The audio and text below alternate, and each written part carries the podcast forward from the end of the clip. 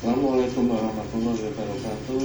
Selamat pagi pemirsa. Perkenalkan nama saya Dr. Cahyo Haji Wicaksono Hari ini kita akan membahas tema yang sangat menarik. Hipertensi itu adalah tekanan darah sistolik lebih dari 130 dan tekanan darah diastolik lebih dari 90 oleh sebab itu, jika pemirsa mengukur tekanan darah dan mendapati hasil yang seperti itu, eh, saya sarankan untuk mengkonsultasikan kepada dokter di fasilitas kesehatan di sekitar lingkungan Anda.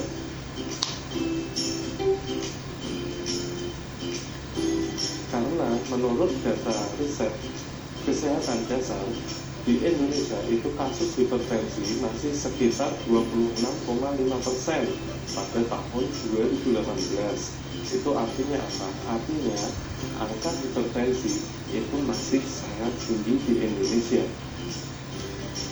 Hipertensi itu sendiri dibagi menjadi dua, dan hipertensi esensial atau hipertensi primer dan hipertensi sekunder.